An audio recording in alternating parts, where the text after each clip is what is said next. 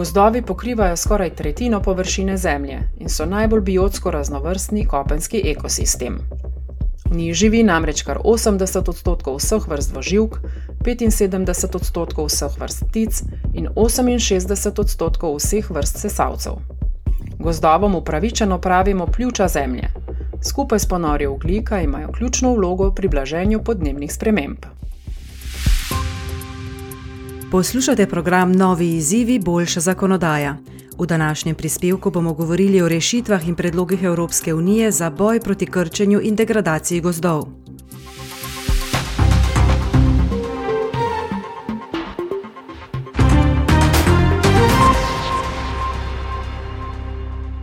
Kot vemo, so razmere na področju podnebnih razmer skrb vzbujajoče in našim gozdovom ne kaže dobro.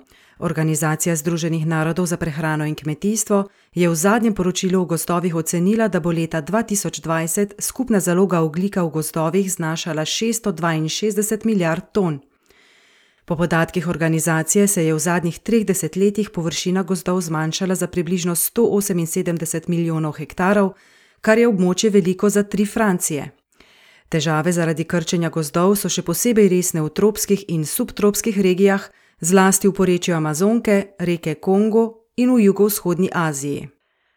Kaj so glavni vzroki za krčenje gozdov? Krčenje gozdov je zlasti posledica širitve kmetijske proizvodnje nekaterih ključnih primarnih proizvodov, kot so soja, govedina in palmovo olje. Ti trije proizvodi povzročijo približno 80 odstotkov krčenja tropskih gozdov po svetu. Njihova uporaba v Evropski uniji pa ima zaradi mednarodne trgovine žal ključno vlogo pri krčenju gozdov na svetovni ravni. Unija se je v številnih mednarodnih sporazumih in pobudah zavezala, da bo varovala gozdove po vsem svetu. Krčenje in degradacijo gozdov neposredno ali posredno obravnava tudi več evropskih instrumentov politik. V zadnjih letih so institucije Evropske unije pripravile več pobud za preprečevanje in zmanjšanje krčenja gozdov.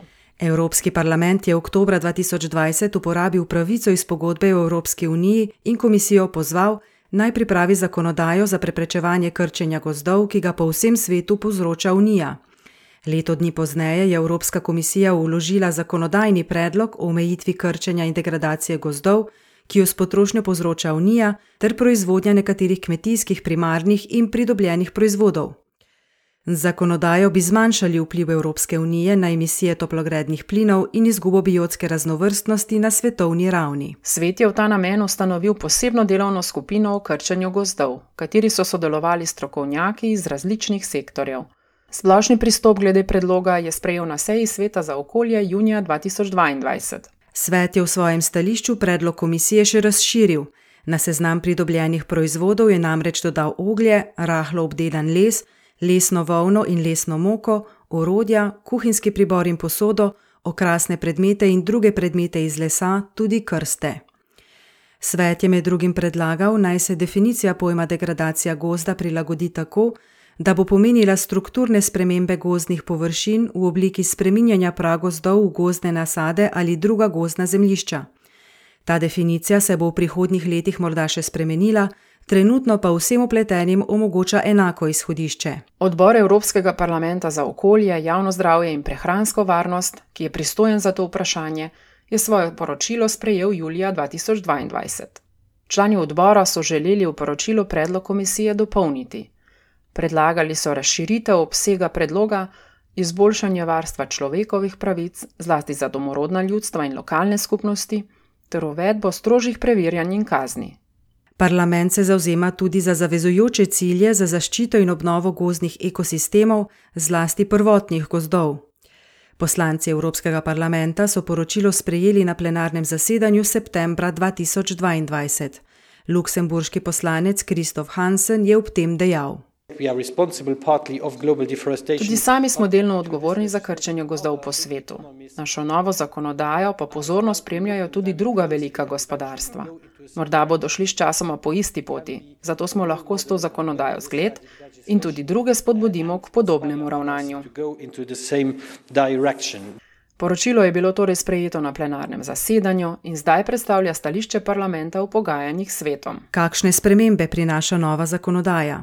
Nova pravila bi veljala za šest primarnih proizvodov, ki jih vsi dobro poznamo.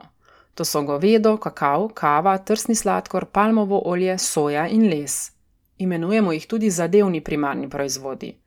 Poročilo pa velja tudi za nekatere izdelke, ki zadevne primarne proizvode vsebujejo oziroma so bili z njimi hranjeni ali iz njih izdelani. To so tako imenovani zadevni proizvodi, naprimer usnje, čokolada in pohištvo. Če želimo torej ustaviti množično krčenje gozdov in ohraniti naše gozdove, samo pogozdovanje ne bo dovolj. Spremeniti moramo potrošnjo v celoti. To ne bo lahko, a Evropski parlament se je že odločno lotil dela.